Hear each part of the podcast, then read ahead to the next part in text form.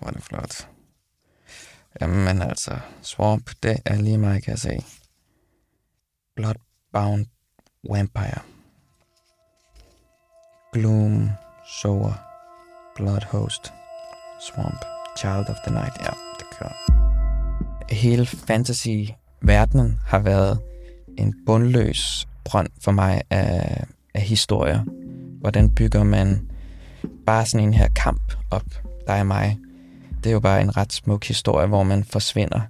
Ikke fra virkeligheden, men øh, fra en slags rationale, hvor alt ligesom er ophævet. Der er ingenting, der ikke er sandt. Alt er muligt, og alt er sandt. Der er, der er selvfølgelig nogle spilleregler, men, men vi to, vi kan alt i det her øjeblik sammen.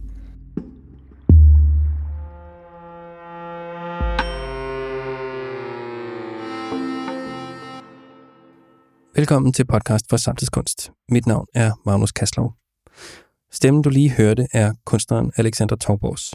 Han er født i 1983 og uddannet billedkunstner fra Kunstakademiet i Karlsruhe og det Kongelige Danske Kunstakademi, hvorfra han tog sin afgang i 2010. Hans værker har været udstillet vidt og bredt, både i Danmark og i udlandet. Af større udstillinger kunne man nævne Hvem er dit svær på Galeri Nikolaj Wallner i 2018 og Troens Ridder på Gamle Strand i 2016. To af Alexander Torborgs malerier indgår i udstillingen Planeswalkers, der har kortspillet Magic the Gathering som omdrejningspunkt. For nogle måneder siden, der mødte jeg Alexander Torborg her i studiet og spillede Magic. Nocturnal Feeder. Ja. Alexander, mens du sidder og flipper i kort, så øh, kan jeg måske lige sige, hvad det er, vi er i gang med. Jeg har inviteret dig til at spille øh, Magic the Gathering her i øh, The Lake studie. Og jeg tror for lang tid siden, der fortalte du mig, at øh, du havde spillet Magic kort. Og, øh, og så da jeg gik i gang med at arbejde på de her spiludstillinger, så talte vi sammen igen, og du sagde, at, øh, at der var ligesom også var ting, der havde snedet sig ind i den måde, du arbejdede på, som du mente på en eller anden måde hang sammen med Magic. Og det tænker jeg, det var ligesom, det var for sjovt til ikke at forfølge, eller sådan, det, det var vi nødt til at tale om. og så tænkte jeg, det var en god måde at snakke, at, øh, at man kunne spille kort imens. Det er svært at vide, om det kan lykkes at tale og spille kort på en gang. Men man kunne prøve. Ja, der er godt nok sket meget siden sidst, jeg kiggede på dem. Hvornår spillede du sidst, tror du? Hvornår? Jeg tror, da jeg gik ind i 9. klasse, der tror jeg, jeg stoppede. Der blev jeg sådan... Jeg, jeg tror ikke, jeg blev moden. Men jeg, jeg tror bare, at øh, jeg lagde det lidt, lidt frem, og så gik jeg over i tegneserieverdenen i stedet for. Men det startede med sådan en blanding af sådan noget svært trolddom og gå til spider, som var sådan en slags alternativ rollespil. Bare sådan lidt bivak-agtigt i stedet for skumsvær. Og så bagefter, så, jeg så startede på ungdomsklub, hvor at jeg mødte en, der hed Charles, og han lærte mig at støbe øh, tinfigurer, som vi malede, sådan Warhammer, bare vores egen version. Og han introducerede mig også til øh, Magic Card. Og så begyndte vi at spille en hel masse børn på den ungdomsklub, hvor det blev sådan hver, hver fredag, hvor man glæder sig til fredagen. Ikke? Der var karaoke for dem, der var sådan foran og sådan meget mere modne. Og så var der alle nørderne, der bare sad nede ved spilmaskinen og fodboldbordet og spillede Magic. det var mig i fire år. Det her, det er sådan et monovit engledæk. Hvad betyder det? Ja, det er bare engle, der er temaet. Okay. Hvad? Det er mest Jeg har det som om, du har samlet lidt mere, end du har givet udtryk for. Nej. Du må gerne være åben over for mig. Der er nogle af de her kort, der er, øh, der er svensk. Okay. Okay. Jeg har fået lov at låne. Ja, ja. God med dig. Unicorns, den er lidt for fantasy til mig. Oh, men altså, jeg, jeg er klar på det sorte, kan jeg mærke. Der er noget, der higer i mig. Mm. Det er meget dystert. Jeg kan slet ikke udtale det. Jeg ved, jeg faktisk, jeg ved ikke engang, hvad det betyder noget af det. Men det var også lidt det der, jeg kan huske, da jeg, da jeg startede med at spille, der vidste jeg heller ikke, hvad det betød helt. Jeg var bare fascineret af, hvad der skete på tegningen, og så om, øh, hvordan det ligesom smadrede den anden. Mm. Må jeg prøve at se det der Vampire Deck igen? Nå, ja, sorry. Fordi så tror jeg, jeg tager det, og så måske blander det sammen med øh, det andet sorte her, og så kører jeg bare sort på sort. Mm, så skal vi lige... Ja, Er det okay? Ja. Må jeg blande dem her sammen? det må du gerne. Okay. Måske skal du bare have... Vito, Thorn of 14. the Dusk Rose. Han er god, ham skal du holde fast i. Ja, det, han er da ikke til at stå for, vil jeg sige. det er det, man kan jo ligesom spejle sig i ret mange af de her kort, ikke? Også den, hvad, hvad vælger man? Hvilket øh, terræn er det ligesom, man, man foretrækker? Og jeg synes, det siger meget. Altså, selvfølgelig er der gamers, der har spillet så meget, at de begynder at lege rundt i forskellige... Men jeg tror altid, man vil have sin favorit, sådan det element, man er sådan mest connected til. Ja. Det vi snakker om, det er, at, der, at når man spiller Magic-kort, så er der fem forskellige farvekort. Ja. Og hver farve har lidt sin egen filosofi og spillemåde. Mm. og fornemmelse. Mm. Øhm, de blå er sådan kontrollerende og kan omgøre den anden spil, og de grønne er sådan vitalistiske og mange bæster og monstre på en gang. Og, Ja. og de hvide er meget sådan hold-on, og øh, engle er ligesom øh, det centrale creature i, hvis man spiller hvid. Og sort er ikke bange for ligesom at, sort vil gerne have magt for alle, ligesom med alle midler, og ikke bange for at ofre nogle af sine egne for at komme frem i verden. Og jeg har valgt sort. Og det er sådan, altså, Jeg hvis skulle ikke man, have sagt det der med, at det siger meget om en. Mm.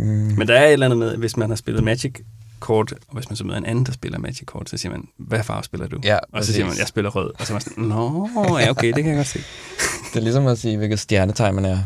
Ja, lidt. Men der er også det der med rollespil, at det er jo ikke bare, det behøver ikke være en en-til-en afspejling af, hvad man ligesom opfatter sig selv som, men det kan også Nej. være en måde at prøve nogle andre ting på, ikke? Jo, det er rigtigt. Ja, det er jo en... Ja, det er jo, at det er virkelig sådan en spirituel rejse, fordi man, øh, man dykker ned i, et, i en lyst til at udforske et, et oprør eller en ro i sig selv. Altså, jeg, jeg har det lidt som om Swamp passer meget godt til min egen sådan, personlige rejse i lysten, lysten til det mørke. Fordi jeg er så meget afslappet, øh, ikke balanceret sådan psykisk, men sådan alligevel udad til sådan social type. Men det sorte har jeg altid sådan... Jeg kan godt lide det, jeg kan godt lide det sorte, og give det plads, og ligesom anerkende det. Der er noget mørke, ikke? der lige skal udforskes. Ligesom voodoo og kristendom og alle de rejser der. Har du givet mig swamps nu? 1, Ja. 2, 3, Prøv lige at tælle, hvor mange du har. 6, 7, 8, 9, 10, 11, 12, 13, 14. Du har 14. Ja. Det tror jeg er rigtigt. Altså, det er også en tilsnigelse, når jeg siger, at det er, øh, er rollespilsagtigt. Altså, hvis, hvis man sidder og rollespiller og hører, at jeg kalder Magic Kort for rollespil, så vil man korse sig. Men, øh, men der er jo et eller andet element af rollespil i det. Der er i hvert fald noget med, at det er et kortspil, som låner en masse ting fra rollespil, tænker jeg. Øhm. Udgangspunktet er jo, Alexander, at nu er vi troldmænd. Ja, Ja. Planeswalker. jamen det er det. Det er jeg ikke i dagligdagen, kan Nej. man sige. Så på den måde er det i hvert fald et rollespil. Og så er der et eller andet element af indlevelse, når man så sidder og spiller korten, ikke? Måske man har mange roller Mm. på en gang. Det kan være sjovt at have et helt goblin-dæk, for eksempel, som fungerer på den måde, som goblins nu gør. Ja. Men det er rigtigt, det kan jo være elegant på den måde, at man i det her spil kan man jo som lige så mange andre spil. Altså hvis man har kapital, så kan man jo ligesom skabe et dæk, som kan smadre alle, hvis man ligesom køber sig ud af det. Ja. Og så det elegante vil være, at man spiller på lige fod med andre, og ikke laver sådan et killerdæk, men man ligesom spiller og morer sig og øh, taber lige så meget, som man vinder. Ja. Jeg kan huske, der var en nede i ungdomsklubben. Han kom fra sådan en okay familie.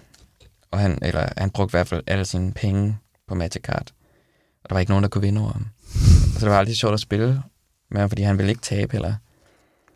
Og han, det var bare... Det var, det var kun sådan nogle dræberkort.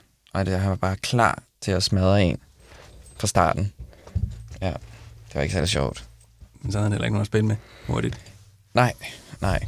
Kun det nye. Eller hvis alle var til karaoke, og man sad der alene, så bliver man nødt til det, ikke? For man vil ikke ind og synge.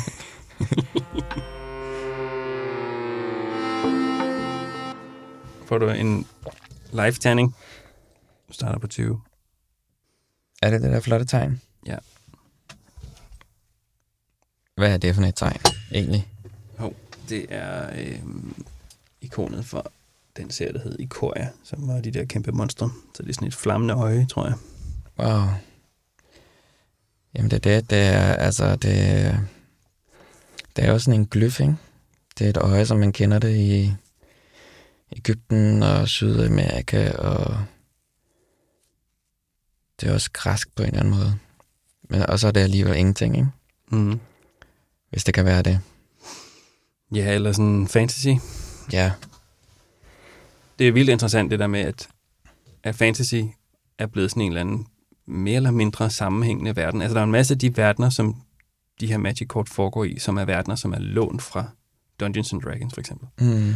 og karakterer, som kommer derfra, som er gået med videre ind i. Altså, der er sådan en eller anden sammenhængende historie, som går på tværs af spil, ja. og, og som du siger, også på tværs af al mulig mytologi og Mm. øh, ikonografi. Og, den er sådan lige på kanten, altså i forhold til sådan hele snakken om kulturel appropriation og sådan noget. Er det spændende, om fantasy også kan undslippe og blive kritiseret, fordi der er så mange øh, tagen fra alle kulturer. Men ja, det bliver spændende at se, hvor, det, hvor, altså, hvor den ender, eller hvor det hele ender, men hvor det også ender med i forhold til fantasy, fordi det er så fiktivt og ekstra moduleret. Øh, at det er svært genkendeligt, men alligevel er det sådan nogle arketypisk og sådan konkrete myter, som det bygger videre på, men ja, det er, det er spændende, ja. kan man sige. Altså, fantasy, det er meget dobbelt med fantasy, ikke? fordi det er jo både sådan en, en projektionsflade, hvor man kommer til at reproducere alle de fordomme og øh, frygte, som man har. Og samtidig så, der er også, der er også noget virkelig utopisk i fantasy, at der kan vi forestille os en helt anden verden, Mm. hvor alle de regler, som vi øh, gerne vil af med her, altså, og alle de naturlove, som vi ville ønske, vi kunne lave om på, dem kan vi lave om i fantasien Mm. og så tillade os at forestille os en anden verden. Mm. Og det, det er vel den, altså det tror jeg, det er noget af det, som jeg er fascineret af ved fantasy, det er, at det er den der dobbelthed mellem, at vi kommer til at reproducere vores egen frygt og alle de problemer, som vi ikke har øjne for, Mm. men samtidig så prøver vi at reparere alt det, vi har øjne for. Ja. Ja, jamen det er jeg enig. Reproduktionen er generelt, den er generelt farlig. Øh, fordi det er kun gentagelse, der er ikke så meget fornyelse, mener jeg, Mm. i reproduktionen. Og derfor er den farlig. Så man er ligesom, man sidder fast i den samme forståelse af noget, og derfor er det meget, meget svært. Og jo mere den bliver reproduceret, næsten rigid og umulig at komme ud af. Og det er det, vi står over for i 2020, at det, vi ligesom står i stampe, og der er en helt masse, der gerne vil have en bestemt type virkelighed, og der er nogen, der vil have en anden en. Og de vil gerne have den, fordi de har den bekvemt i den virkelighed, som er blevet genproduceret igen og igen og igen. Så nu står de og skulle give, give afkast. Øh, og det er svært, mm. fordi den er blevet genproduceret så ufattelig mange gange til deres fordel, eller til nogens fordel, eller decideret til en specifik gruppes fordel, eller hvordan man skal, sådan, skal sige det. Så det, ideen om at reproducere af et billede er jo bare virkelig farlig, fordi der er meget magt i det, ligesom kan man sige, altså det er jo et magtforhold, man bliver ved med at holde fast i, at man længes efter en fortid og stræber efter en bedre fremtid, og derfor er man altid utilpas i en nutid, øh, som, er, som holder os fast, som ikke er befriende på nogen måde. Det holder os øh, bundet til øh, at ligge under for en magtstruktur. Okay, Mm-hmm, mm-hmm, mm-hmm. er du klar? Jeg er klar. Nu kiggede jeg lige dem alle sammen igennem. Det skulle jeg ikke. Spiller vi med hænderne på bordet? Så er der ikke nogen, der snyder? ja, jeg tror overhovedet ikke på dig. Op med de ærmer, Magnus. Ja, okay. Okay, vi Okay. trækker syv kort. Yes. 4, 5, 6, 7. 6 og 7. Bum, bum. Nå. Nu kan jeg mærke, at noget, jeg skulle have gjort, da jeg valgte kort fra, det var at se på, hvor meget swamp man skulle have lagt ned, for at kunne lægge monstrene ned. Mm. Fordi nu har jeg nogen, der kræver noget helt vildt. Altså sådan noget fem, fem lande plus tre swamp. Den, den er til gengæld fantastisk, men den, den, det går jo lang tid, før man kan lægge den ned. Mm. Altså, hvis det, er, hvis det er helt ude i skoven, så kan du vælge at blande dem ind i dækket igen og trække nye kort. Nej, det er så fint. Så skal du bare smide et af dem. Nej, nu, jeg går ned. Øh, når man har trukket et svær, så må man simpelthen også bare stå ved det. Okay. Sten, saks, papir om hvem der starter. Okay. Er det på nu, eller er det på papir?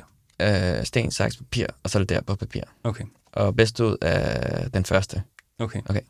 Sten, saks, papir. Sten, saks, papir. Sten, saks, papir. Oh.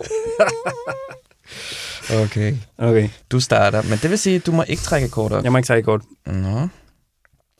Mm. Så Okay, det- gjorde, gjorde, du dig, faktisk- gjorde du dig dårligt der, da vi spillede Sten, Tak, Papir, så du ikke skulle starte?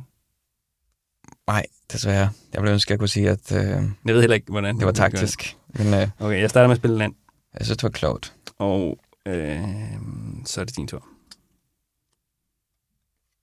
Du har lagt planes ned. Mm. Solnedgangen over marken. Ja. Og det vil jeg også bare lige kommentere på, synes jeg er ret, ret fantastisk. Man kan jo ikke rigtig se sådan rent nationalt, øh, hvor er vi henne i verden. Nej. Det er også det, der er så fedt ved fantasy. At det kan være fortid, fremtid og relativt nu. Men vi ved bestemt ikke, om det er på Bornholm, eller det er... Der er ikke noget, der afslører det, vel? Det er jo ret... Altså rent kunstnerisk er det ret flot eksekveret, at der ikke er givet mere. Ja. Mm. Okay, så er det min tur. Jeg trækker et kort. Og jeg lyver ikke. Jeg har fået en swarm op. Man må kun lægge en ned ad gangen. Ja. Og hvis jeg skal beskrive det kort. Vi er ude i et tropisk bjerglandskab, hvor der er et vandfald. Og det er swamp, så det er mørkt. Der er nok en sol et sted, eller en måne, som er lidt rødlig. Der er lige titter frem. Og så er der en fantastisk dis. Det hele er lidt dødt. Sådan på den anden side. Ja, på den anden side her. Det er... Jamen, det er også det, der er fascinerende. Hvad, når jeg dør, hvad så? Så er der swarms, ikke? Det er jo meget, det er meget dejligt at vide, at man kan navigere i det. Jamen, jeg, jeg kan ikke lægge noget ned her, kan jeg se på alle mine kort. Det er jo, det er, de kræver utrolig meget. Jeg vil sige, jeg har en god hånd om, om, om 10, 10 swarms tid, men lige nu så, så er jeg sårbar, ikke? Det er også det, man kan sige. Ja. Det er jo det, spillet starter ud, hvor man er sårbar. Alle har en, øh, en chance. Det er jo det er der også noget ret dejligt i. Vi er begge to meget skrøbelige på det her tidspunkt. Ja. Da vi snakkede om det for et stykke tid siden, der sagde du, at der var øh, et af dine malerier, et maleri, du lavede for et par år siden, som var malet øh, mere eller mindre direkte efter et magic kort. Ja, Nightmare, det er også Swamp. Det var, jeg kan tydeligt huske det. Det er en, en kort historie, der lige øh, følger op til det, at jeg fik kortet, men det var, at jeg var til øh, skolebal på den skole, jeg gik på, og øh, jeg havde lige fået sådan en Disney-t-shirt, som jeg var rigtig glad for, af en karakter, jeg godt kunne lide. Øh, og Ja, men jeg var rigtig glad for den t-shirt. Jeg kunne ikke vente med at danse så meget ude på dansegulvet til, at jeg skulle tage min trøje af og vise t-shirten. Helt svedig, sådan teenager. Og øh, besat af rollespil. og så, øhm, så sætter jeg mig på bordet for at snakke med en ven i en pause mellem, vi har danset til Infernal eller et eller andet. Og så går der ild i min trøje, min t-shirt.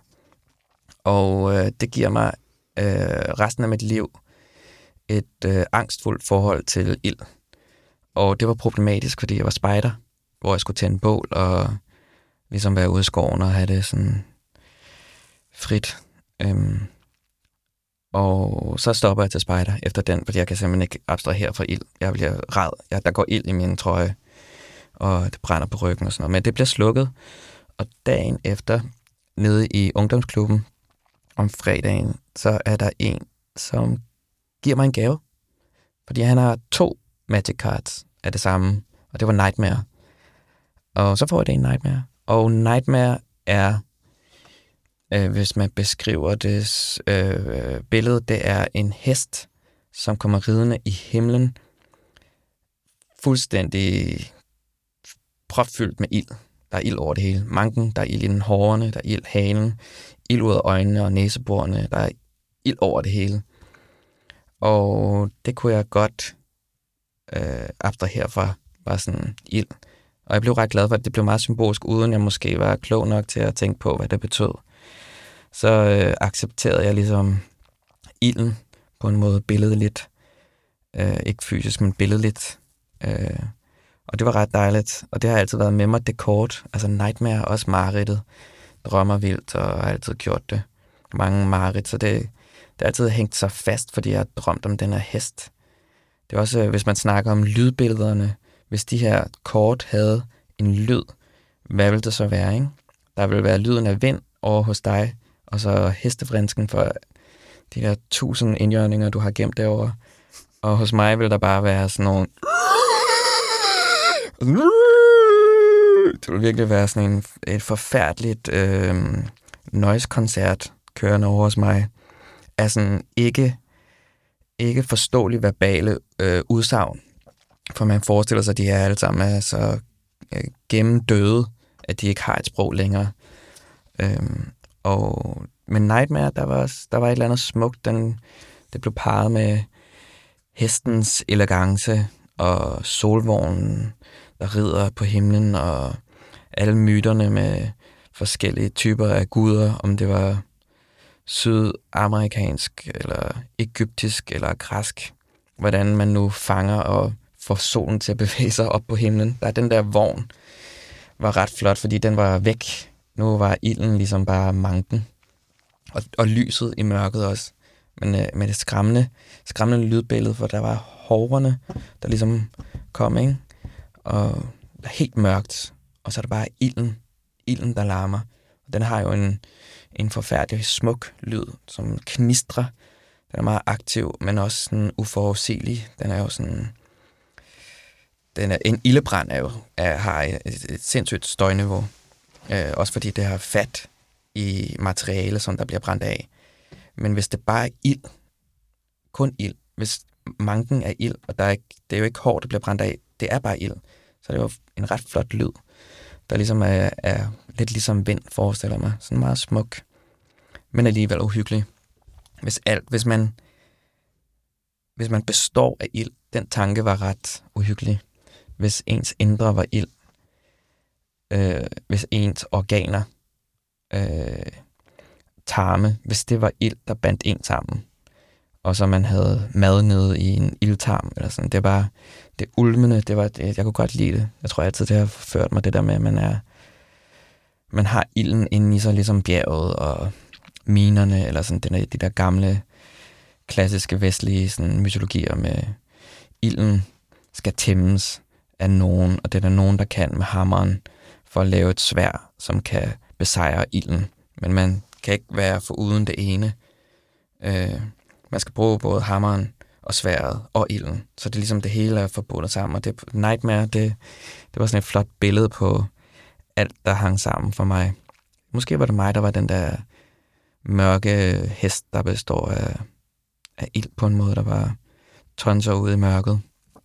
Ja, og det lavede jeg så flere værker af, og det, det seneste værk, det var sådan en sphinx, som også bare består af ild, som hvor den, den brænder fuldstændig igennem. Der er et eller andet smukt. Den damper jo også på en måde, ikke? Der er ikke... Den er så varm, at der kommer ild ud af den, kunne man også sige. Øh, men øh, ens blik er som ild. Det er også, eller der er noget smukt, ikke? Eller ens sprog er så skadeligt som ild.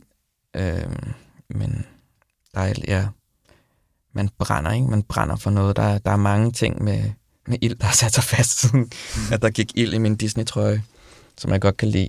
Der er noget mareridt over det, men, men også noget konstruktivt rent. Sådan forståelsen af, af, af fare og ikke fare kunne tæmme ild. Ilden blev også givet af Prometheus øh, og taget for guderne i sådan en slags øh, oprør af titanen. Og ja, nu kan jeg ikke huske, hvem man tog det fra på Poseidon. Nej, en, en, der havde den, og så gav det til mennesket, og på grund af det, så udviklede mennesket sig. Så der har, der har hele tiden været sådan en lang historie med, med ilden, og hvordan mennesket har kunnet kontrollere ilden og lave alle de smukke krukker og fade og metaller, der ligesom har drevet os videre i vores selvforståelse og kultur til at nedslagte andre, men også bare kunne lave mad og bygge huse og ja, sådan. Okay, ven, så er det din tur. Okay, jeg trækker et kort. Mm-hmm. Okay, så spiller jeg en plane mere, Okay, og så taber jeg dem begge to. du lægger dem på skrå og taber dem. Og så spiller jeg den her Mesa Unicorn, som er en 2-2'er og har lifelink. Okay. Ah, det er så typisk unicorn. De er bare helt gode ind til kernen. Okay, men øh, så har jeg glemt, om du kan angribe med det samme. Det kan jeg ikke Kan du først angribe næste runde? næste runde her. Nå. Jeg kan blokere med det samme, men, øhm, men der er ikke noget blokere lige nu. Så hvis man forestiller sig, at vi er på hver vores mark, Mm. og vi mødes på midten af en swamp og en plane, så har du lige bedt en unicorn om at komme frem. Ja, Men den øh, er så forpustet, den kan ikke angribe lige nu. ja, noget i den retning. Det ser kritisk ud for mig herover. Jeg lægger et eller andet ned til Swamp. Og det er en kirkegård i solnedgang. Det er en orange-rød himmel, og der er en helt masse døde væsener, der titter frem for gravene, også i en dis. Og de har præcis samme farve øjne, næse og mund som solnedgangen. Det er jo altså, det er jo ret flot lavet. Det er virkelig smukt. Jeg tror, det her kunne jeg godt forestille mig på et museum. Det kunne godt hænge på Nivogård på en eller anden måde. Sådan et romantisk landskab med et vandfald. Men det der med kirkegården, ikke? Mm. det træder lidt ud og bliver lidt mere specifik fantasy. Ja, det bekender mere kulør. Ja, den vil ikke, den vil ikke kunne hænge på Nivogård, tror jeg. Altså, jeg har ikke noget, der kan gøre det her. Hvis nu der er et dødninghoved, Mm. så betyder et swamp, Mm. og der så står to, så betyder det rent faktisk, at jeg skal bruge tre, ikke? Jo. Ja. Så jeg kan ikke snyde her. Okay, jeg er færdig. Jeg kommer til at få tæsk af den her unicorn, kan jeg mærke. Okay, den trækker jeg ikke kort. Planes er meget katolsk for mig på en eller anden måde. Jeg kan mærke, at jeg har sådan en afstand for det. Så og jeg er både også meget tiltrukket af det. Ja. Men den kommer ind tabt, den der. Det er rigtigt. Så nu skal du ikke snyde. Den, den fangede du, den der. Den, øh. Mm. Øh, Men hvad gør du med den der unicorn? Den stejler, kan jeg se på billedet. Ja, men det kan godt være, at den bare skulle... Du har jo ikke noget at forsvare dig med, så måske angriber den der bare. Fedt. Jamen, så går jeg da bare to ned. Og så går jeg to op. Det er med den på. Det er lifelinken. Hvor sindssygt. Ja, nu kan jeg mærke, at øh, billedkunstneren kommer op i mig, og jeg bliver utrolig kompetitiv. Så skal det være min tur. Er du færdig? Ja, det er sin tur. Okay. Det var godt. Jeg fik en swamp. Det var heldigt. Den ligger her. En swamp. Hvad er der på billedet? Det er et landskab. Det er en blanding mellem øh, LA Ring og noget Hammershøj. Der er diset, og der er, det er meget romantisk. Der er, det er en gul himmel. Også lidt optimistisk. Og så er det 100% en location, hvor de har fundet en eller anden mosemand eller mosekvinde, der er blevet offret, der ligger nede på bunden af mosen. Det er, det er en ægte swamp, den der. Mm. Det var indbegrebet af swamp, som jeg trak. Nu har jeg tre. Og så kan jeg sige dig, nu taber jeg dem alle sammen, så kommer de på skrå. Ja. Og så sker der det, at jeg lægger det her kort, det hedder Murder, Uh. og det hedder bare Destroy Target Creature. Ej, så ryger enhjørningen, kan jeg gætte. Det er den, det er den, der ryger. Okay. Og man kan sige, at Murder, den er præcis, hvad, hvad den er. Det er bare et drab. Og i, det fede ved den her, det er, og det er meget swamp-agtigt. Uh, det er ikke en indjørning eller noget som helst magisk. Det er en konge, som har sin krone i hånden. Han er blevet spydet på en trone i maven, og sværet er gået fuldstændig igennem, og det er et trehåndsvær. Og så er der også et citat, må jeg læse det op. Mm.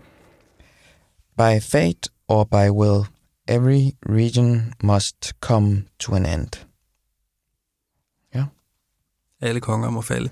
Det må de. Det er faktisk rigtigt, ikke? Det er Ja. betimeligt. Ja. Gud, hvor var jeg glad for det. Ja. Nu er det mig, der er bagud, jo. Ja, fordi øh, nu har du ikke noget til at angribe. Mm. Men altså, jeg har jo bare pareret det, ikke? Ja, det er selvfølgelig rigtigt. Jeg har begået justitsmord. Har du øh, flere ting op i ærmet? Nå ja, det er det. Jamen, det, jeg kan ikke mere, for jeg har tabet alle mine swamps. Okay. Så jeg er, jeg er færdig. Så trækker jeg et kort, ikke? En til planes. Kommer ned. Okay. Men det jeg mente med, med katolsk, det er også, fordi der er så mange himle, og øh, det er på en eller anden måde, så har, øh, har kirken ligesom taget patent eller monopol på den der guddommelighed i naturen, som jeg synes, at Plains går ind og, og leger med det hele tiden. Den åbne himmel, øh, det er solnedgang, det er skaberværket, det er det smukke. Det er bare dig og Gud, eller skabelsen.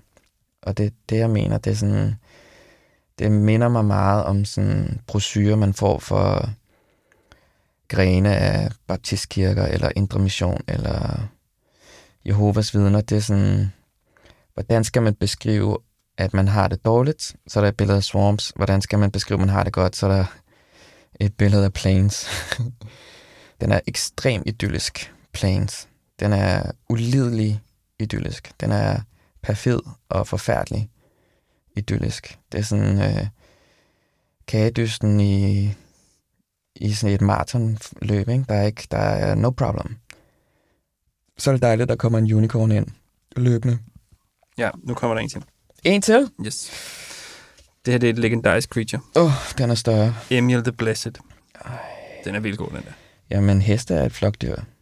Det giver god mening. Altså, der er til virkelig tænkt over det hele. Det er meget spændende. Okay, men jeg kan ikke gøre mere, så nu er det din tur. Okay. Så untapper jeg lige dem her. Åh, oh, jeg skulle tage et kort inden. Yes, en swamp.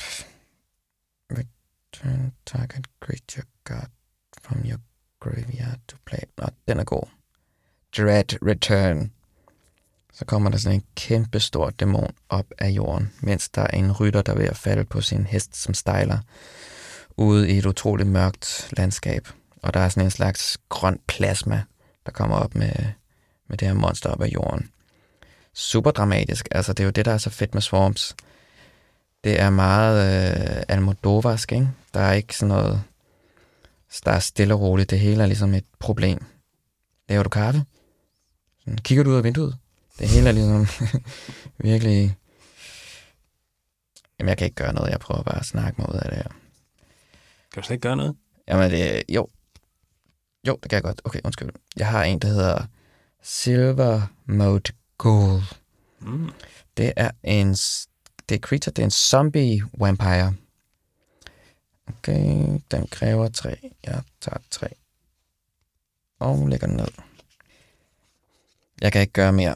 Den kan ikke gøre noget. Den er rundt på gulvet, den her zombie vampire. Så jeg er, jeg er færdig for den her tur, ven.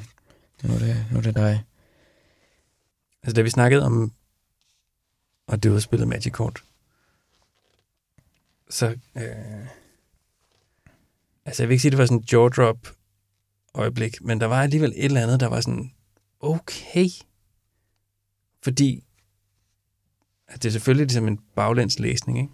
men hvis man kigger på dine malerier, eller på sådan hele, jeg kan ikke kigge på det hele, for jeg kender ikke alle dine værker, men på en masse af de værker, som jeg kender, man har, nogle, man har fornemmelsen af, af sådan et karaktergalleri tit, eller sådan et persongalleri, øhm, som på en eller anden måde ikke vil passe helt dårligt ind på et magic kort. Nej, det er rigtigt.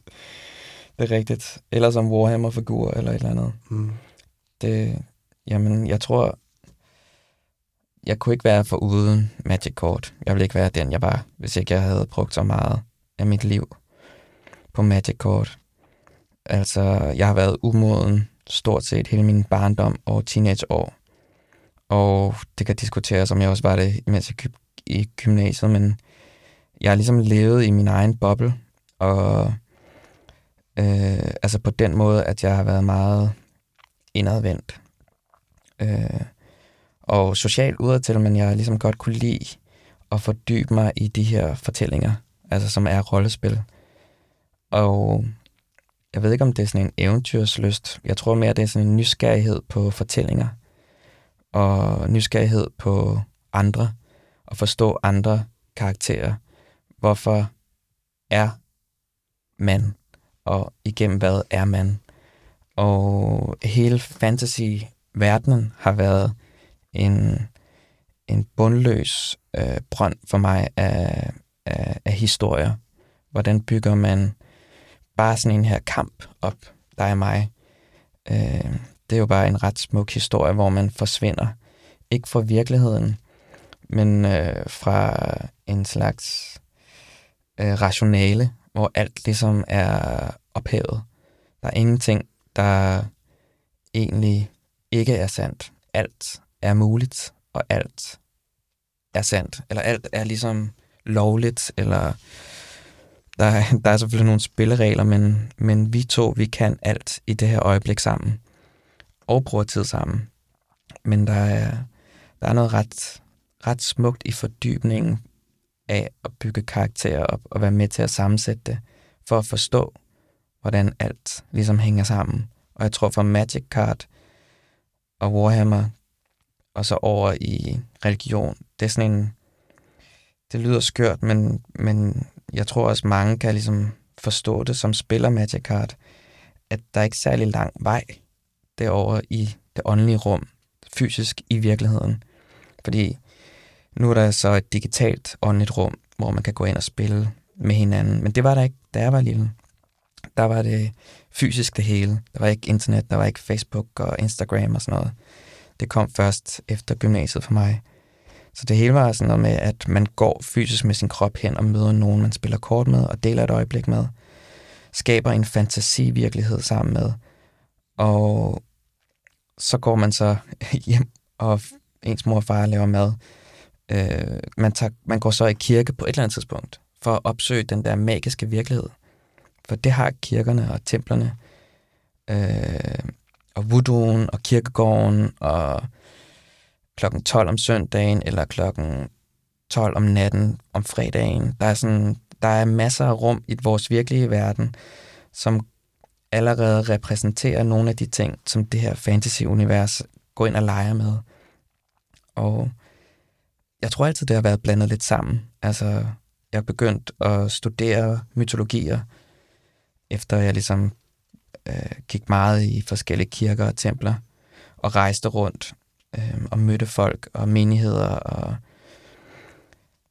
ja, alt hvad det ligesom indebærer. Og der øh, øh, i min læsning og forståelse af mytologier, ser man, hvor komplekst og nuancerede mytologier er bundet op af politik og kultur på et givet tidspunkt i verdenshistorien. Geopolitisk, hvorfor ser en myte sådan der ud på det tidspunkt i forhold til alt, hvad der sker på det kontinent. Og så kan man sammenligne det med, hvad der er sket samtidigt på et helt tredje kontinent. Og på den måde har man sådan en god forståelse af, hvad sker der i verden, og hvor meget hænger det egentlig sammen. Den kulturelle øh, selvforståelse igennem mytologien er jo, er jo virkelig interessant, hvordan man forstår en nation igennem en myte, øh, igennem et folk, igennem en leder, igennem et øh, tab eller en sejr, som ofte er konkretiseret med en begivenhed og en person, som så er blevet mytologiseret. Og øh, der er selvfølgelig en fortid med de fiktive myter, og så er der de myter, som er kommet i menneskets tid, som vi har produceret, og som stadig bliver produceret. Og jeg har en kæmpe stor foragt for myter. Jeg er utrolig bange for myter, og hvordan vi producerer dem, og hvordan det bliver dannet også digitalt. Altså, hvor meget magt de egentlig har. Øh, og har altid prøvet at, at forholde mig okay kritisk over for myterne, hvordan vi forstår dem og bruger dem, og hvordan vi kan prøve at tage dem op på ny for at reclaime dem, eller at destruere dem, fordi de er skadeligt. Og der er jo masser af filosofer, som har snakket om myternes betydning igennem vores historie, og igennem gentagelsen af historien er der så nogle myter, der kommer op igen, som ikke har været relevante i et par hundrede år, og så lige pludselig kommer der op igen. Og nu med sådan, øh, den tid, vi lever i, så er der er myten igen sådan på spil, eller den er jo altid på spil, yes, men den, den, den har igen en vigtig rolle i vores selvforståelse. Hvordan vi forstår os selv ved at spejle os i ideen om, hvad man har været, og hvem, hvem var man så, og hvem var man så i forhold til. Og det giver en helt masse øh, landegrænser, eller en helt masse planes og swamps, som man skal bygge broer til, eller man skal huske at se broerne til, for at det ligesom ikke bliver for, øh, for opdelt. Altså, myten er en rigtig god indgang til forståelsen af vores verden, hvis man behandler den kritisk og forstår den ligesom som en, en vigtig spiller igennem tiden. Ja. Nu tager jeg kort, eller fordi det er mig. Det er nej. Prøver jeg at slippe for, at du har angrebet mig? Nej, nej, jeg har, øh, det er bare fordi, vi har snakket. Så jeg angreb dig, og du har taget skade. Nej, jeg tager skade. Okay. Det er, så det er din tur. Okay, okay, okay, okay. Nå. Det er nogle meget krævende kort, jeg har. Mm. Kan man sige det? Det er fordi, de kræver meget land for at kunne have plads. Det er fordi, du har været grådig, da du valgte dem. Det har jeg. Jeg har kigget 100% på, øh, på billederne, fordi dem er jeg ked af, jeg har 1, 2, 3, 4, 5. Okay, jeg kan godt lægge øh, noget ned. Så taber jeg lige alle mine swamps. Så sacrificer jeg min Silver Smooth Gold ned i Graveyard. Du får den der, Tak. som havde bundet den fast. Og så lægger jeg Bloodhost. Wow. Forfærdelig type at være til selskab med, Mm. vil jeg sige umiddelbart. Hun sidder og kigger dig lige ind i øjnene. Ja. Det er lidt dig, når du har spillet det kort der, ikke? Jo, det er det. Det er det. Nå, okay. Din tur, ven. Okay, men så spiller jeg den her enhjørning. En til. Ja, men du slipper ikke for dem, men det er jo fordi, det er et enhjørning et tema, det, Ja. ja. det her, ikke? Og så fordi det er en enhjørning, og jeg har den her øh, velsignede Emil enhjørning, så kan jeg faktisk lægge to i det counters på sig. Det gør jeg med en terning. Jeg vælger den. Det er godt, hvis du sagde. Mm-hmm. Trekantet Mm-hmm. terning. Angriber du mig igen med den der? Mm, ja, det gør jeg. Jeg angriber dig igen. Så er jeg nede på 6. Nå. Okay. Nu skal jeg i gang. Er det min tur? Ja, det er dig. Så untapper jeg alle mine swamps. Og dem her. Så skal jeg love dig for, at der er fest i krypten. Jeg har fået Crypt Incursion. Jeg er færdig. Nej, skal jeg lige angribe? Jeg angriber med alle sammen. Wow. Ja. Kan du så vælge, hvad du vil blokere? Ja. Ja, det skulle jeg have tænkt over. Hvad du gør der? Det må godt Det var gøre. bare Vito. Men så lad være. Okay. Så gemmer du ham. Ja. Så blokerer jeg hende der. Okay, så dør hun, Så, ikke? så dør de begge to, ja. Jo, det var Bloodhost, der døde. Og så tager jeg fire i skade. Hun havde også en... En goth-aften ude. Mm. Okay. Så er det mig? Ja. Jeg tænkte også, at øh, din motivkreds har en eller anden, øh, hvad skal man sige, enten åbenhed eller troløshed i, at måske på sådan en ret fantasyagtig måde, at tillade sig at, at bevæge sig rundt imellem forskellige mytologier, Mm. forskellige trosystemer. Mm. Øh, der dukker også dinosaurer op, Mm. øhm, som med, med Alexander som Magic spiller i baghovedet. på en eller anden måde også giver mening, eller sådan en, der er i hvert fald en fantasy-fornemmelse i muligheden for at fusionere alle de der ting. Ja, det er Altså, meget flydende. Så der, øh, lige da vi kom ind i studiet, der sagde du, at øh, du er jo ikke magiker til hverdag. Men måske er du lidt magiker til hverdag. Er I og med, at der, der, der foregår et eller andet øhm, fantasy-agtigt i sammenstilling eller sammensugningen af alle de der forskellige verdener. Mm. Jamen, man, man begærer, eller jeg begærer, at, øh, at være inde i mange af de universer, som jeg skaber, tror jeg også. Det er også derfor, jeg arbejder med billedet. Det er for at kunne lave et rum, som er relativt trygt for mig, eller som jeg har lyst til at, at kunne være i. Og proportionelt er størrelserne på mine ting også store af den grund, sådan så de fysisk kan rumme ikke bare mig, men rigtig mange. Og så er der sådan nogle, der er mindre tilpasset, men der er sådan en fysikalitet, som bliver en slags scenografi, som jeg ønsker var rummelig for dels fortællingen, men også dem, der spejler sig i den, at de kunne finde en plads til dem selv derinde. Og nogle gange, så er mine ting øh, romantiske, enkelte, geometriske, dekorative, og andre gange så øh, stræber efter, at de kan være aggressive og ikke utiltagende, fordi de vil altid måske være smukke, fordi det er også noget, jeg begærer.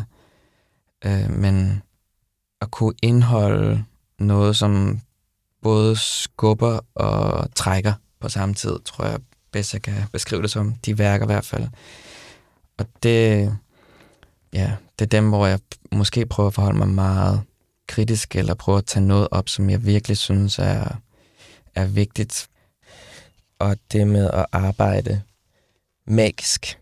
Jeg tror, det at arbejde magisk har betydet meget for mig i, i min praksis. Det at skabe en praksis. Øh, ligesom med et, med et magic-kort, hvor man har en held, man kan tillægge et, en artefakt, en ekstra værdi, en ekstra rustning eller et ekstra svær, øh, har, har, har skabt noget i mig, tror jeg, der var mindre og spillede det, øh, som jeg har brugt videre i min praksis. Jeg har altid haft lyst til at inddrage, inddrage de her magiske elementer i min praksis. Øh, nu snakker jeg lidt om min opvækst, og hvordan jeg var meget fysisk. Det, der er jo sådan en sensibilitet forbundet med det i forståelsen af, at man lægger et kort ned. Det er ikke et billede, der bevæger sig. Jeg bliver nødt til at forestille mig, at der er en ridder, eller der er en løve, eller der er en vampyr. De, her, de bliver ligesom virkelige for mig. Det, det er min måde at ligesom og, og, og forestille mig det hele på. Jeg er ikke vant til det levende billede på samme måde som nu. Og den der sensibilitet har jeg prøvet at tage med i min praksis, hvor jeg har taget hen til religioner for at forstå dem, for at blive en del af et fællesskab, for at blive en del af en, af en myte, om det var at gå pilgrimmen, eller det var at blive en del af en katolsk menighed her i København, eller opsøge voodoo. Alt sammen har været for at, for at blive en del af fællesskabet, for at kunne se igennem de andre, opleve igennem de andre, hvad tro er for dem. Øh, for jeg har altid været skeptisk. Jeg har altid været mistroisk øh, og frygtfuld over for religion og det spirituelle. Men jeg har altid haft lyst til at forstå, og det har jeg kunnet igennem andre ved at lære, lære om deres forståelse og hvordan de bruger det i deres liv. Og det har jeg prøvet at tage med mig i min praksis på den måde, at helligt vand, jeg har taget mange steder hen i verden, eller været besøgt mange steder, hvor at jeg har delt øh, ting med folk og fået helligt vand med hjem. Og det hellige vand har jeg så brugt til at blande op i min, i min akrylmaling, for at kunne give, ligesom et magic-kort, kunne give mine malerier øh, det ekstra, som var, øh, var mytens sprog, eller det religiøse sprog, eller det var magiens sprog. Øh, den ekstra tilføjelse, synes jeg var ret, har været essentiel i, i min praksis. Hele mit atelier er jo sådan en slags trolddomsrum, eller som man kender den fra den virkelige verden, sådan alkymistisk, at man har en slags himlens drejebænk, hvor i man skaber noget. Man prøver at, at fremmane, øh, ikke creature eller en ridder, men, men et billede, en fantasi, som man så modulerer og prøver sig at forholde sig positivt eller kritisk til, øh, til, til den her skabning, man, man, man nu skaber. Øh, ja, med Jeanne d'Arc tror jeg, at jeg var meget interesseret i hende som billedet. Øh, mange af de myter, jeg ligesom tager op, er kristne, fordi det er den kultur, jeg ligesom selv kommer fra.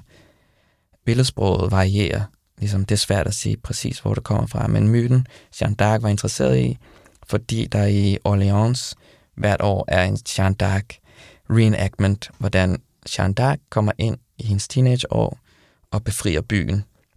Så kommer hun ridende på hest øh, hvert år, og øh, så er der en kæmpe stor militærparade, og så præsidenten siger så tak til Jeanne d'Arc for at befri Orleans fra englænderne på det tidspunkt. Utrolig makaber og meget blodrig øh, krig, de havde kørende. Og der bliver så castet en Jeanne d'Arc hvert år.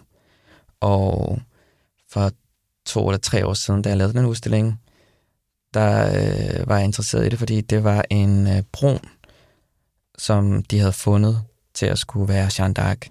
Hun gik i byen, der er ret mange ting, hun skulle kunne. Hun skal være i byen, hun skal være fransk, og hun skal studere, og hun skal gøre velgørenhed. Det, det er de fire kerneregler for, så man Jeanne d'Arc. Altså den person, der bliver castet, skal i sit virkelige liv opfylde de der kriterier? Præcis, ja. Og det gjorde hun. Og derfor var hun blevet valgt. Hun gik på Oberskolen, og hun øh, hjalp ældre øh, to-tre gange om ugen. Altså hun var et fantastisk menneske og teenager. Men Jeanne d'Arc er bare et ret specielt symbol i Frankrig og har været lige siden Le Pen kom til magten, eller ligesom fik en stemme. Og det er fordi, at Jeanne d'Arc på mange måder, hvis man ser det sådan, var en, der uddrev englænderne. Så et nationalt symbol. Et nationalistisk symbol, som Le Pen har brugt.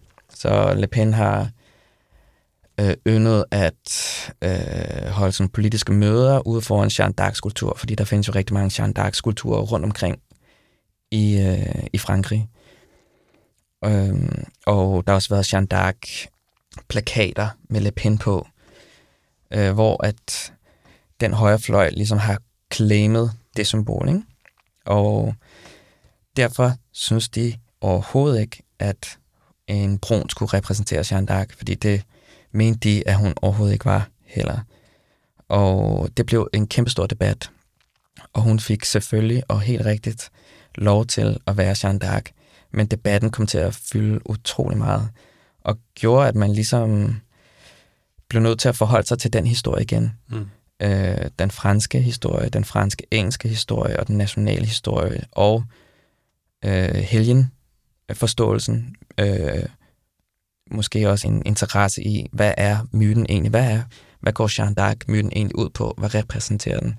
Og den debat var i gang igen, fordi uden man havde lagt mærke til det, så var den blevet taget op af Le Pen, og man tænkte sådan, nå okay, jamen, var hun bare sådan en øh, nationalistisk karakter, der bare smadrede alt ikke? og dræbte? Eller øh, repræsenterer hun noget mere? Og kan et symbol overhovedet og en myte stå frit? Mm. Vil der ikke altid ligge noget politisk i den? Ligegyldigt, ja. hvor man er hen i verden. Så det prøvede jeg ligesom at, at, at tage fat i hende for at prøve at gøre hende fri fra den højre nationalistiske diskurs, men heller ikke placere hende nødvendigvis nogle andre steder, men prøve at kigge på hende som, hvad var det, der skete? Hun blev brændt på bålet. Hun, det var en kvinde, og kvinden havde ingen noget magt. Hun opsøgte hoffet, fordi hun havde fået en åbenbaring eller to, og sagde, jeg, jeg, jeg, jeg kroner dig, konge. Det var sådan en skør konge, der var på det tidspunkt. Jeg kroner dig. Du skal bare gøre, som jeg siger. Lad mig lede din her. Så leder hun herren, vinder tre slag, og får ham så kronet, være med til at få ham kronet i Orleans, hvor der ligger en kongelig kirke, som den eneste kirke, der kan krone ham. Det sker, og derfor er det i Orleans, der er så vigtigt politisk. Og derefter, så begynder folk at være utrygge med den magt, som hun har fået, fordi hun har vundet så mange slag og at der er så mange, der er døde generelt. Og øh, det gør, at der kommer en modstand til hende i hoffet. Hvor, hvor kommer hun fra? Hun er bare en, hun er en, en bondepige, som lige pludselig øh, har kongens nåde, og som han lytter til mere end nogle af de andre herfører, eller sådan, der har et, et konkret politisk agenda. Ikke?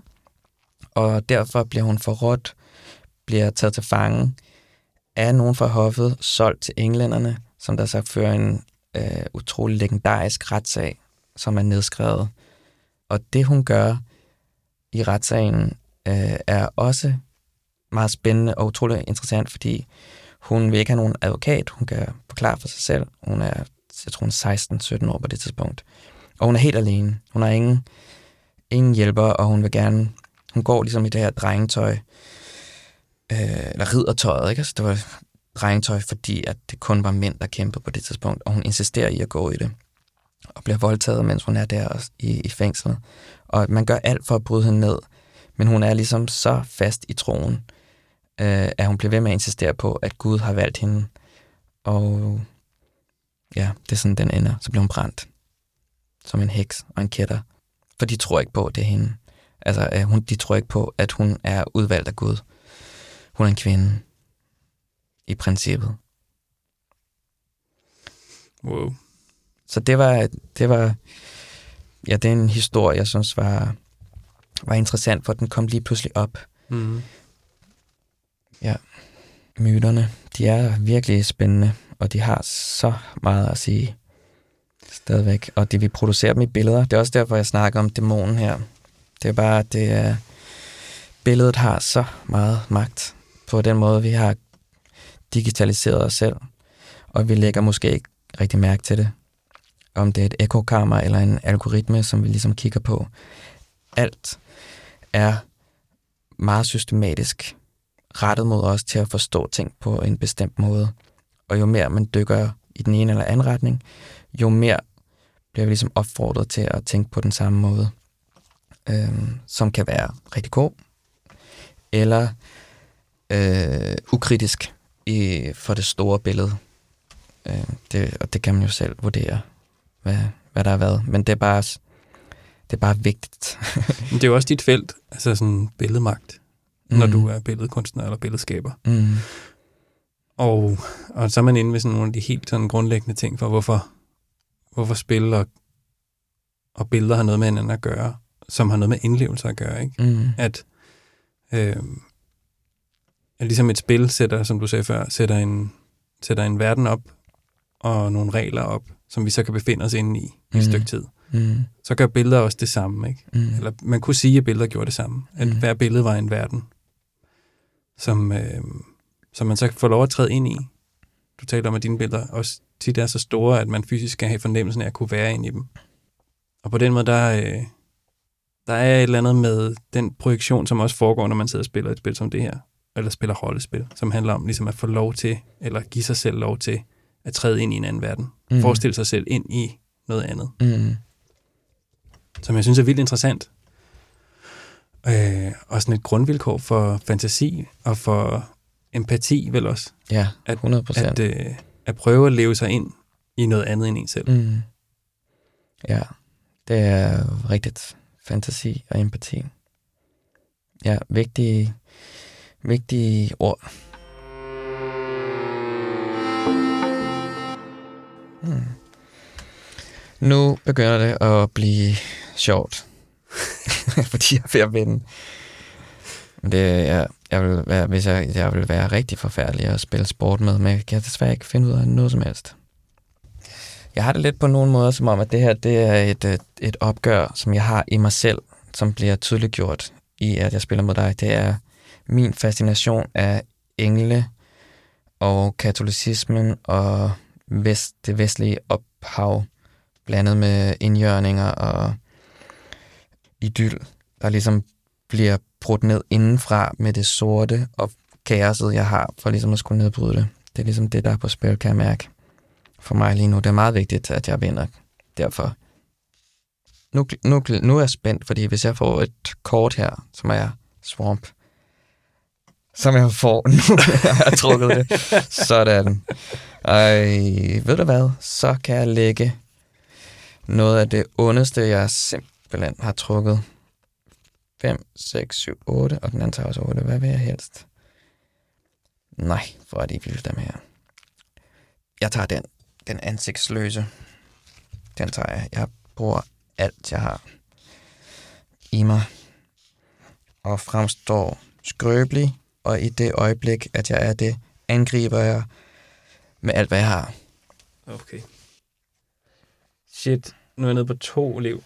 Jeg, Jeg skal virkelig fiske et eller andet fantastisk op af min... Øh, jeg begynder allerede at kunne dufte en cigaret lige om lidt. Oh, jeg glæder mig til udstillingen, du har kurateret. Og, ej, der, og jeg har lyst til at sige tak for i dag. Og så meget af jeg, har jeg det allerede, som om jeg har vundet. nu kommer der en spændende en ind, kan jeg se. Det er en cat cleric. Jeg er ikke sikker på, at den kan redde mig. Men altså, det er en to træer. Så Okay. Så. Og det var det? give me your best shot. Okay, I will. Jeg tager et kort.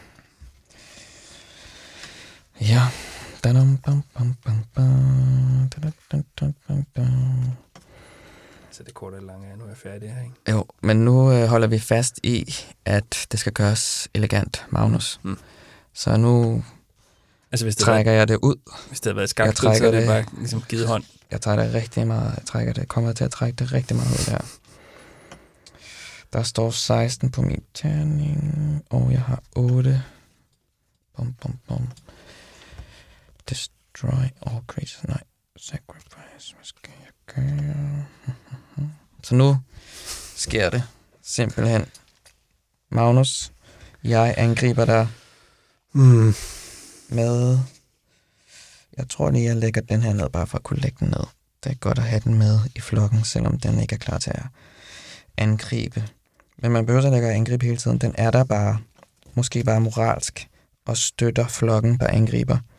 Det var den legendariske dæmon der. Willis, Broker of Blood. Og det, det er præcis, hvad han er. Han, han har 8. 8.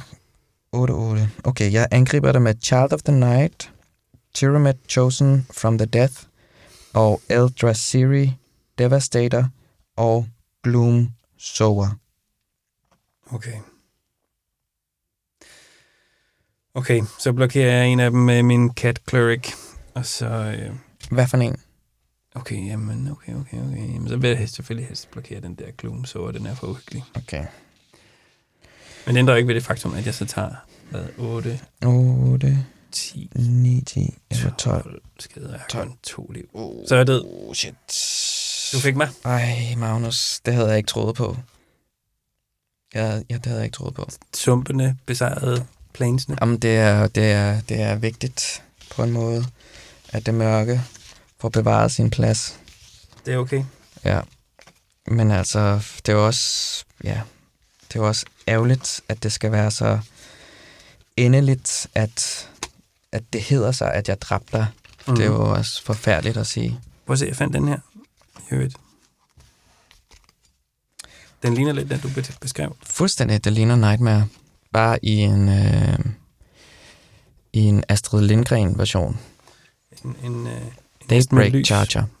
Så i stedet for, at manken er ild, og halen er ild, og hårene er ild, så er det guld, der Mm. glimter og svejer, og den rider, den rider på vandet. Jeg siger det bare. Hvem, hvem går også på vandet? Har du et yndlings Magic-kort?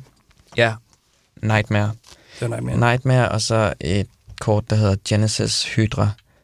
Det er også bare et smukt kort, altså en, en smuk fortælling. Og en, den, også fordi den tager af en myte, man kender. Tak for at tage kortene. Ja. Øh, med Hydraen, som jo også altså ultimativ ondskab. Hvis man hugger et hoved af, vokser der to. Så det er sådan et ret flot græsk antik billede på, øh, på ondskab. Og det er et utroligt billigt kort, det er også interessant, fordi alle de her kort, de kan jo købes for små penge eller for mange penge. Men Genesis Hydra, som er skabelsen, den koster kun 95, nej, 55 cent at købe. Det er meget lav værdi for en skabning. Mm. Skabelsesberetning. Det er også flot. Sådan. Tak. Selv tak. Du har lyttet til et spil Magic mellem mig, kurator Magnus Kaslov og kunstner Alexander Torborg, optaget i slutningen af 2020. Denne episode er en del af Games, en spiludstilling i fire runder. Tusind tak til Alexander Torborg for spillet. Tak til Statens Kunstfond, der har støttet Games-udstillingen. Mange tak også til det Obelske Familiefond og Beckett-fonden, der støtter Museet for Samtidskunst program, og dermed også denne podcast.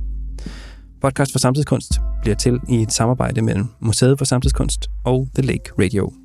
Tak fordi du lyttede med.